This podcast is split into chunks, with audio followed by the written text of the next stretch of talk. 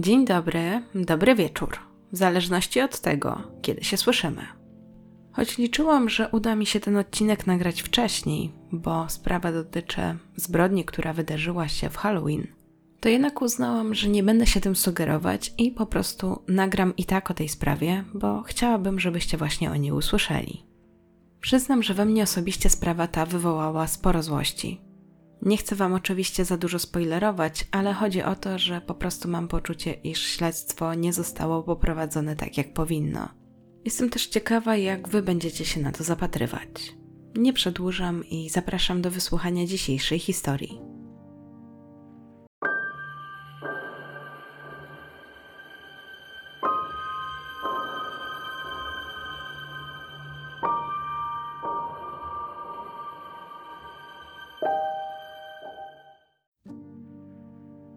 31 października 1981 roku dochodzi do brutalnego morderstwa w klasztorze świętego Franciszka w Amarillo w Teksasie. Ofiarą jest 76-letnia siostra zakonna, która spędziła w tym miejscu większość swojego życia. Sprawca zostaje wytypowany i zatrzymany. Trafia do więzienia i otrzymuje najbardziej surową karę. Jednak po latach okazuje się, że popełniono ogromny błąd i prawdopodobnie skazano niewinnego człowieka. Kto zatem dokonał tej makabrycznej zbrodni? Ostatni dzień października to dzień kojarzony z przebieraniem się za różne postacie, dniami i strasznymi rzeczami. Tego dnia obchodzony jest Halloween, a jedną z charakterystycznych dla niego zabaw jest cukierek albo psikus. Jednak to nie jedyne święto obchodzone tego dnia.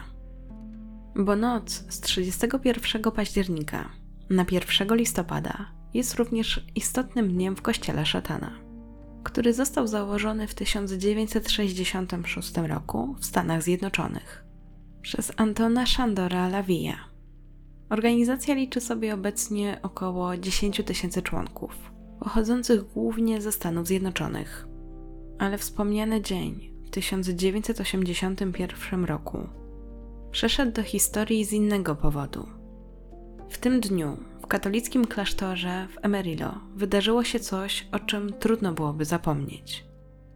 Z wiadomych powodów nie obchodzono by wcześniej wspomnianych świąt. To miał być raczej spokojny dzień. Nikt jednak nie spodziewał się, że dojdzie do takiej tragedii. Tadea Benz miała już 76 lat.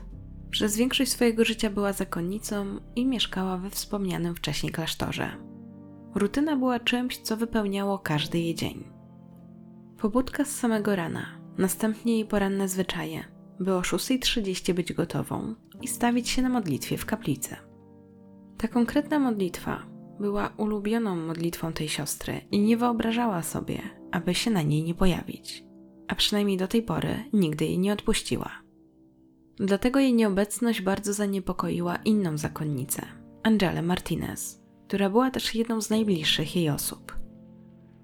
Było to niepodobne do siostry Tadei, aby nie przejść na poranną modlitwę, a tym bardziej nikogo o tym nie uprzedzić. Tak jak mówiłam, do tej pory nie było takiej sytuacji. Siostra Angela uznała, że koniecznie musi do niej zajrzeć i sprawdzić, czy wszystko jest w porządku. Może się źle poczuła i potrzebuje pomocy? Angela Martinez wraz z kilkoma innymi siostrami postanowiła udać się do pokoju siostry Tadei. Gdy dotarły pod jej drzwi, pierwszą rzeczą, na którą zwróciły uwagę, było to, że drzwi były zamknięte. To była kolejna nietypowa rzecz. Kobieta nigdy nie zamykała drzwi. Wynikało to z tego, że miała problemy ze słuchem. Zostawiała więc uchylone drzwi, by nie ominął ją brzęczek, który budził ich rano. Nie było opcji, aby to ona zamknęła te drzwi. Z niepokojem w sercu, Angela Martinez nacisnęła klamkę i wtedy jej oczom ukazał się widok, który wprawił ją w przerażenie.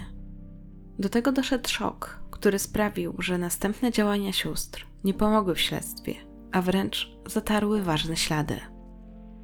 Po uchyleniu drzwi okazało się, że na środku niewielkiego pokoju na podłodze leży naga siostra Tadea. Jej twarz jest cała we krwi, a ramiona rozpostarte są na boki. Ich pierwszą myślą było to, że doszło do nieszczęśliwego wypadku, że siostra się przewróciła, o coś uderzyła w głowę i w rezultacie zmarła. Dla pewności jedna z zakonnic dotknęła jej ciała, ale było zupełnie zimne. Wtedy, kierowane wspomnianym wcześniej szokiem, postanowiły owinąć jej ciało w prześcieradło. Widok był trudny dla nich do zniesienia. Była to też im bliska osoba. Uznały, że tak należy zrobić. Nie zastanawiały się nad tym. To był odruch. Siostra Angela wspominała później, że to było dla niej za wiele, że działała we wspomnianym wcześniej szoku. Inna siostra powiedziała, że również przyjęła to za pewnik, że była to śmierć z przyczyn naturalnych. Do tego zdecydowały, że należy umyć podłogę tak, aby pozbyć się śladów krwi. Nie sądziły wtedy, że doszło do zbrodni. Naprawdę wierzyły, że to był wypadek. Dlatego po skończonych czynnościach po prostu zostawiły ją w tym pokoju, a same udały się do innego miejsca, aby w spokoju zaplanować uroczystości żałobne i pogrzeb siostry Tadei. Godzinę później zorientowały się, że coś jest nie tak. W świetlicy klasztornej, która znajdowała się na pierwszym piętrze, ktoś wybił okno. Wtedy poczuły niepokój i uznały, że należy skontaktować się z policją. I tak też jak najszybciej uczyniły. Na miejscu policja pojawiła się o godzinie dziewiątej. Funkcjonariusze rozmawiali z zakonnicami. Wtedy jedna z nich opowiedziała im, że dostrzegła rozbite okno i od razu pomyślała, że doszło do włamania. Podzieliła się tą myślą z innymi siostrami i razem zadecydowały, że należy zawiadomić policję. Zgłosiły jednak samo włamanie. Nic nie wspominały o śmierci siostry Tadei, bo nie uważały, że ma to jakiekolwiek powiązanie. I tak naprawdę, gdyby nie to, że przypadkowo śledczy usłyszeli o tym, jak kobiety między sobą rozmawiały o śmierci siostry Tadei, to nie dowiedzieliby się w ogóle o tym wydarzeniu. Gdy ta wiadomość wyszła na jaw, policjanci od razu udali się do wskazanego pokoju. Zdaniem funkcjonariuszy coś było nie tak, zwłaszcza gdy obejrzeli to pomieszczenie. Wtedy właśnie pod łóżkiem znaleźli nóż. Coraz bardziej zaczynali wątpić, że była to śmierć w wyniku nieszczęśliwego wypadku. Początkowo jednak ciało kobiety zostało zabrane do domu pogrzebowego. I dopiero późniejsze wyniki sekcji zwłok dały nowy obraz tej sytuacji. Dla pewności sprawdzono jednak ten pokój i zabezpieczono różne dowody, między innymi wspomniany wcześniej nóż. Do tego pościel, w której spała kobieta oraz jej bieliznę nocną, czyli jak dziś byśmy określili coś w rodzaju piżamy. Pobrano także odciski palców ze wspomnianego noża, wezgłowia łóżka i rozbitego okna. Z kolei na pościeli znaleziono włosy, które na pierwszy rzut oka wydawały się nie należeć do siostry Tadei, ale to już miała później potwierdzić analiza. Do tego oględziny wokół klasztoru doprowadziły do znalezienia kolejnego noża kuchennego, który również zabezpieczono. Ten nóż określono jako nóż do steków. Początkowo, tak jak mówiłam, ciało siostry Tadei zostało przewiezione do miejscowego domu pogrzebowego, a zastępca szeryfa zlecił, aby przeprowadzono pobieżne oględziny ciała zmarłej, by wykluczyć udział osób trzecich. Jednak ku zaskoczeniu wszystkich, wstępne oględziny wykazały, że na szyi kobiety znaleziono siniaki. I nie wyglądało na to, aby kobieta zrobiła je sobie sama. Dlatego zapadła decyzja o tym, że należy przeprowadzić pełną sekcję zwłok. Problem był tylko jeden. Zanim odzyskano ciało z domu pogrzebowego, zostało już częściowo oczyszczone i zakończono pierwszy etap balsamowania. Gdy policjanci otrzymali raport sekcji zwłok, byli zaskoczeni. Okazało się, że przed śmiercią ktoś postąpił z nią naprawdę okrutnie. W raporcie zapisano, że kobieta miała liczne obrażenia, w tym głowy, rany kłute klatki piersiowej oraz zaobserwowano obrażenia wokół szyi które według lekarza miały świadczyć o tym, że ktoś ją dusił. Wykazano również, że kobieta przed śmiercią została wykorzystana seksualnie. Świadczyły o tym różne obrażenia w jej okolicach intymnych, krwawienie z tego miejsca oraz obecność plemników w pochwie. I choć wstępnie pobrano nasienie, to później została ta próbka po prostu wyrzucona z tego względu, że nie wiadomo było co z nią zrobić bo patolog nie posiadał odpowiedniego sprzętu do przeprowadzenia analizy. Oznaczało to również, że nie ustalono choćby grupy krwi napastnika. Potwierdzono natomiast, że sprawca musiał użyć ogromnej siły, o czym miały świadczyć wskazane obrażenia. Policja rozpoczęła przesłuchania i zaczęła rozpytywać mieszkańców, którzy mieszkali w okolicy klasztoru. Pytali, czy nie zauważyli czegoś nietypowego, coś co zwróciło ich uwagę. Tym sposobem natrafiono na dwie osoby, które twierdziły, że rankiem 31 października widzieli pewnego mężczyznę, który biegał wokół klasztoru. I choć była to bardzo ważna wskazówka, to początkowo śledczy łączyli ją z tym, czy przypadkiem w tej okolicy nie mają do czynienia z serią ataków na starsze kobiety. Początkowo brali pod uwagę, czy sprawa zabójstwa siostry Tadei ma coś wspólnego z zabójstwem i wykorzystaniem seksualnym 77-letniej Narni Cox Bryson, które miało miejsce 9 lipca tego samego roku. Doniesienia prasowe, które pojawiły się kilka dni potem, jak doszło do zabójstwa siostry Tadei, sugerowały, że policjanci poszukują uchodźcy z Kuby. Ale wszystko się zmieniło, gdy 9 listopada policja otrzymała raport odnośnie odcisków palców, które pobrano z pokoju zakonnicy. Choć wcześniej faktycznie poszukiwano uchodźcy z Kuby, co wynikało z tego, że znaleziono włosy charakterystyczne dla osoby, która mogłaby stamtąd pochodzić, to jednak przez te odciski palców wszystko się zmieniło. Okazało się, że wspomniane odciski palców należą do 17-letniego Johnego Franka Gareta, który był już dosyć dobrze znany policji. Co wynikało z tego, że był już wcześniej podejrzewany o włamanie do innych budynków. I jeszcze taka ciekawostka. W międzyczasie pewien mężczyzna, który twierdził, że jest jasnowidzem, zaczął dzwonić do różnych redakcji gazet i mówił, że ma wizję na temat tego, kto zabił siostrę Tadeę. Mówił, że zrobił to mężczyzna, który chodził w peruce, która była stylizowana na takie afro i mieszkał w jakimś drewnianym domu, który miał się znajdować przy tej samej ulicy co klasztor. Ale tej hipotezy nie wzięto pod uwagę. Wróćmy do Johnego Franka Gareta. Chłopak został zatrzymany i od razu zaprzeczył, że ma cokolwiek wspólnego z tym morderstwem. Policja jednak uważała, że dowody przeciwko niemu były przytłaczające. To, co jednak było niepokojące, to to, że chłopak został przesłuchany bez obecności prawnika lub członka rodziny, mimo że był niepełnoletni. A potem jego tak zwane wyznanie zostało spisane i Johnny był zmuszany, żeby je podpisać, ale tego nie zrobił, bo twierdził, że on w ogóle tak nie powiedział. Jakie to były te przytłaczające dowody? Według śledczych, to właśnie Johnny był widziany jako ten, który uciekał z klasztoru w noc morderstwa. Jego odciski palców miały być znalezione na rękojeści i ostrzu noża kuchennego, który znaleziono pod łóżkiem ofiary. Również odciski, które pobrano z wezgłowia łóżka, pasowały do jego. Okazało się też, że na miejscu zbrodni zabezpieczono włosy łonowe i według wstępnych analiz miały one mieć takie same indywidualne cechy jak te należące do Gareta. Uznano również, że ten nóż do steków, który znaleziono przed klasztorem, miał takie same cechy, czyli wyglądał bardzo podobnie jak te noże, które znaleziono później w domu Johnego w wyniku przeszukania tego domu. Zapytano również świadków, czy to jest właśnie ten mężczyzna, którego oni wtedy widzieli, który krążył wokół klasztoru i również podobno potwierdzili. Johnny nie wypierał się tego, że był w klasztorze, natomiast miał na to zupełnie inne wytłumaczenie. Powiedział, że on faktycznie włamał się do klasztoru, ale nie miał nic wspólnego z morderstwem siostry.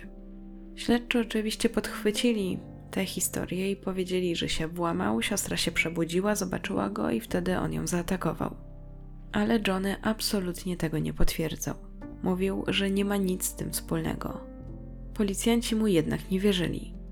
Dla chłopaka była to na pewno trudna sytuacja, zwłaszcza, że jego życie do tej pory również go nie oszczędzało.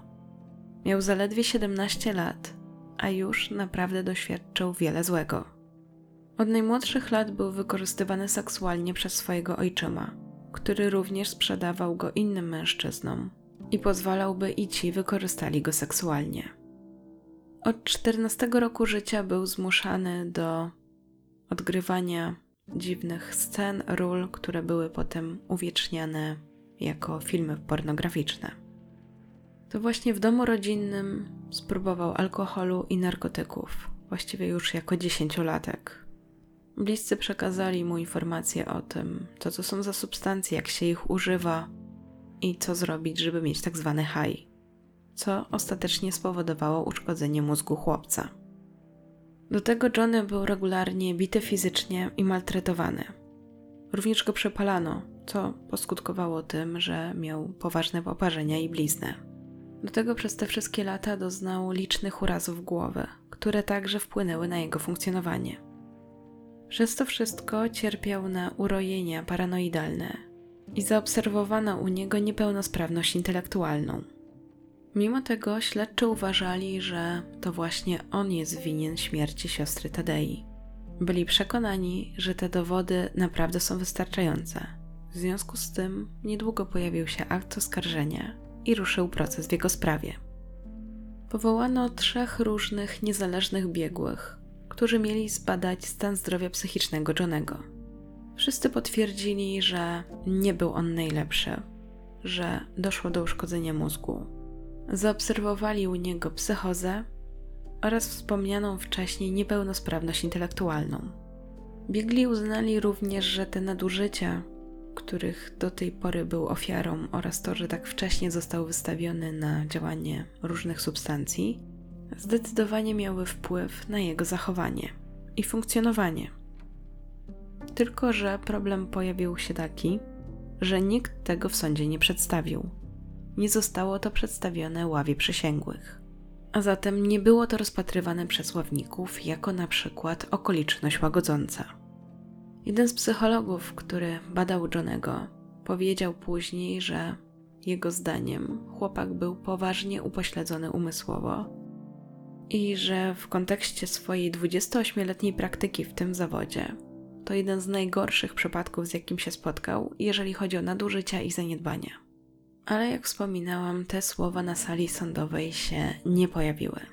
Jeśli chodzi o obrońcę Johnego, to starał się udowodnić, że ktokolwiek zabił siostrę Tadee, to prawdopodobnie dokonał wcześniej innego morderstwa. Podkreślał również, że znalezione dowody wskazują na to, że mógł być to Latynos. Ale pomimo tego, że faktycznie były takie dowody, które wskazywały na to, że Johnny mógł nie dokonać tego morderstwa, to wydawało się, że specjalnie je pomijano. Wyglądało to tak, jakby już przyjęto jedną wersję i nie chciano w ogóle skupić się na innym wątku. Do tego jeszcze nagle pojawił się nowy świadek. Miał być to więzień, który siedział w jednej celi z Johnem i twierdził, że ten mu wyjawił, że zabił siostrę Tadee.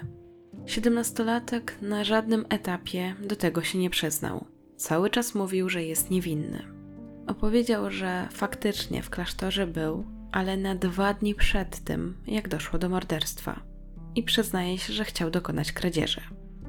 Opowiedział, że dokładniej było to tak, że wszedł do klasztoru frontowymi drzwiami, nie wybijał żadnego okna. Następnie udał się do pokoju, gdzie siostry trzymały leki, a potem do jadalni, skąd wziął nóż kuchenny. Zeznał, że następnie udał się do kilku sypialni zakonnic. W jednej z nich, przy pomocy noża, próbował otworzyć szafkę.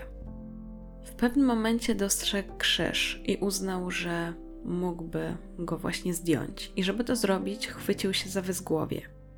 Więc z jego opowieści wynikało, że trafił do pokoju siostry Tadei.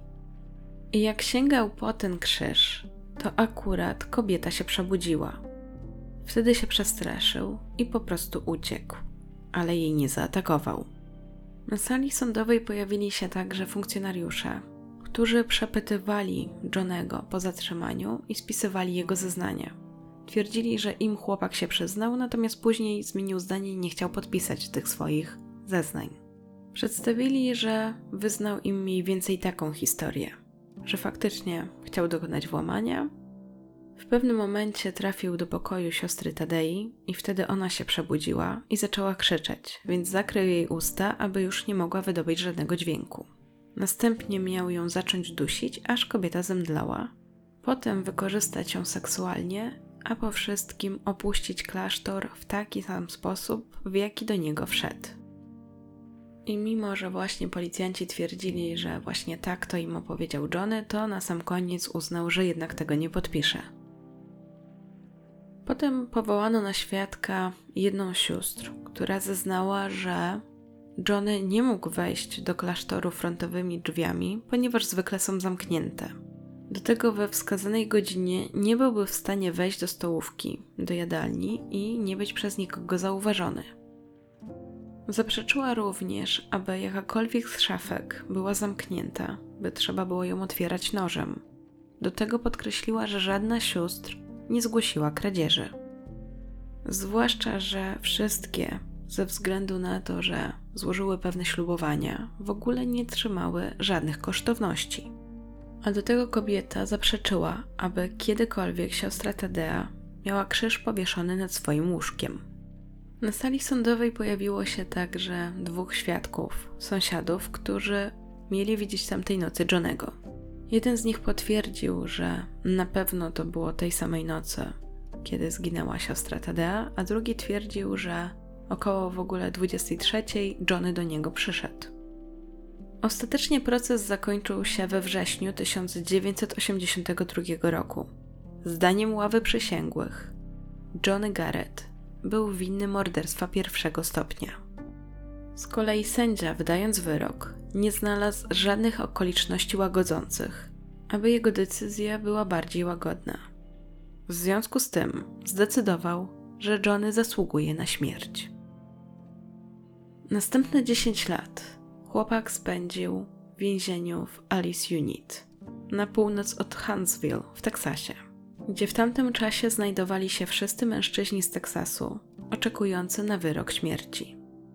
Johnny nigdy nie przyznał się do tego, że jest winien. Cały czas twierdził, że on tego nie zrobił. Przez następne lata odwoływał się od tego wyroku, ale nic to nie dało. Pojawiły się jednak osoby, które wierzyły w niewinność chłopaka i robiły wszystko, aby nie wykonano na nim wyroku kary śmierci. Między innymi w jego sprawie działało Amnesty International. Kluczowe było to, że nie uznano, iż stan zdrowia, psychicznego zwłaszcza Johnego, nie jest żadną okolicznością łagodzącą. W związku z tym tę karę śmierci można było wykonać. Datę jego egzekucji ustalono na 6 stycznia 1992 roku. Ale tuż przed wykonaniem tego wyroku zdarzyła się rzecz niespodziewana. W tym czasie papieżem był Jan Paweł II, który wniósł apel o ułaskawienie skazańca.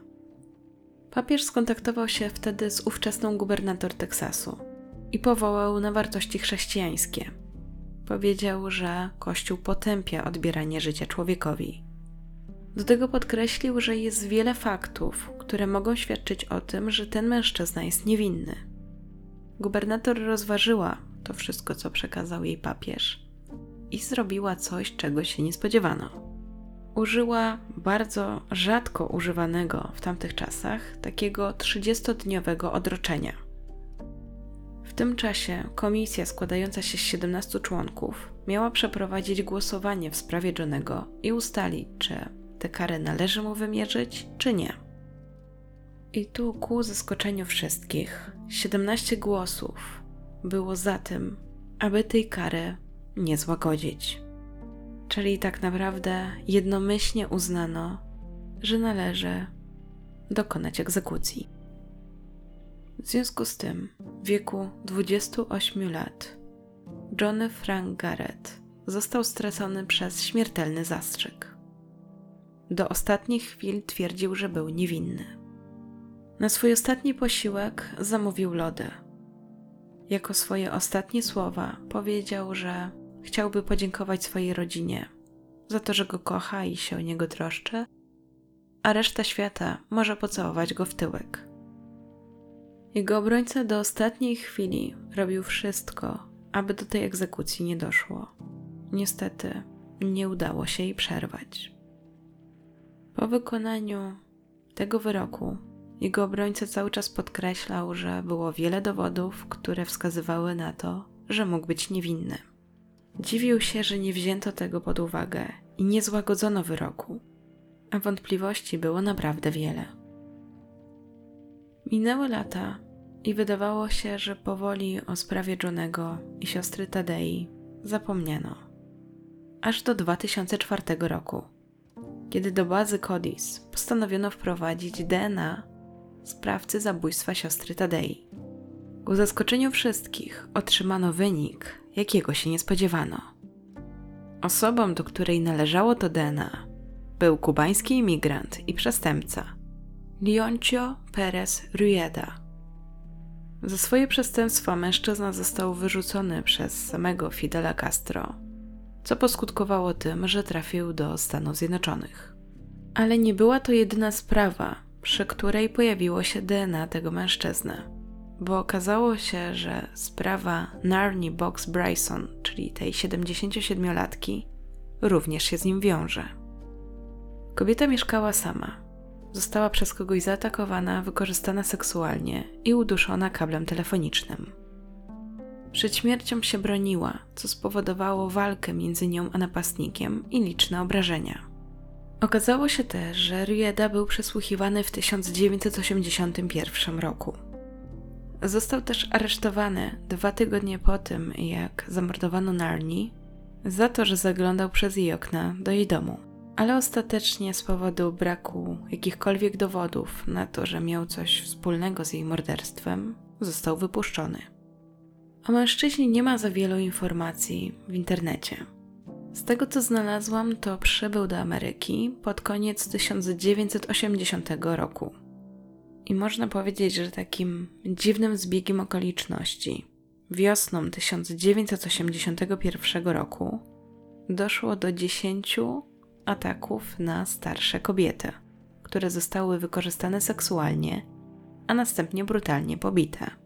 I wszystkie te napaści miały miejsce w północno-wschodniej części Amarillo. Nernie Bryson również mieszkała w sąsiedztwie tych kobiet, które zostały zaatakowane. Prawie cztery miesiące później doszło do ataku na siostrę Tadeę. I co zastanawiające, ten klasztor również znajdował się w niewielkiej odległości od wcześniejszych ataków. Pojawiła się również hipoteza ze strony policji, że właśnie za te wszystkie ataki odpowiada jeden człowiek. Jednak z niewiadomych przyczyn nie pociągnięto tego wątku. Ostatecznie, 23 lata później, Leoncio został oskarżony o morderstwo Nernie Box Bryson.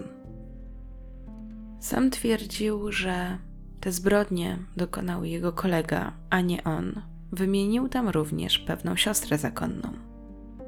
Ale nie wskazał dokładnie danych siostry Tadei.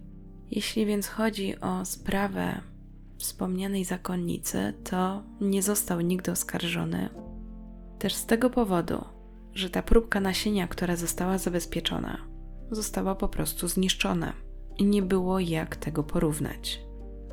Więc choć znaleziono ślady DNA na miejscu zbrodni, to jednak niedostateczne, aby powiązać go z tym morderstwem. Na pewno też problemem było to, że jednak za te zbrodnie ktoś odpowiedział, więc w tym momencie wskazywanie nowego zabójcy nikomu nie było na rękę. Rieda został skazany w 2005 roku na 45 lat pozbawienia wolności za zabójstwo Nari Bryson. I ogólnie, choć oficjalnie Johnny nie został oczyszczony z zarzutów, to obecnie uważa się, że był niewinny i że stał się ofiarą presji społeczeństwa, aby ująć sprawcę no i generalnie też działań policji, która jak najszybciej chciała to zrobić. Ważne też było to, że on nigdy się nie przyznał do tej zbrodni, więc wiele osób wskazuje na to, że ich zdaniem naprawdę był niewinny.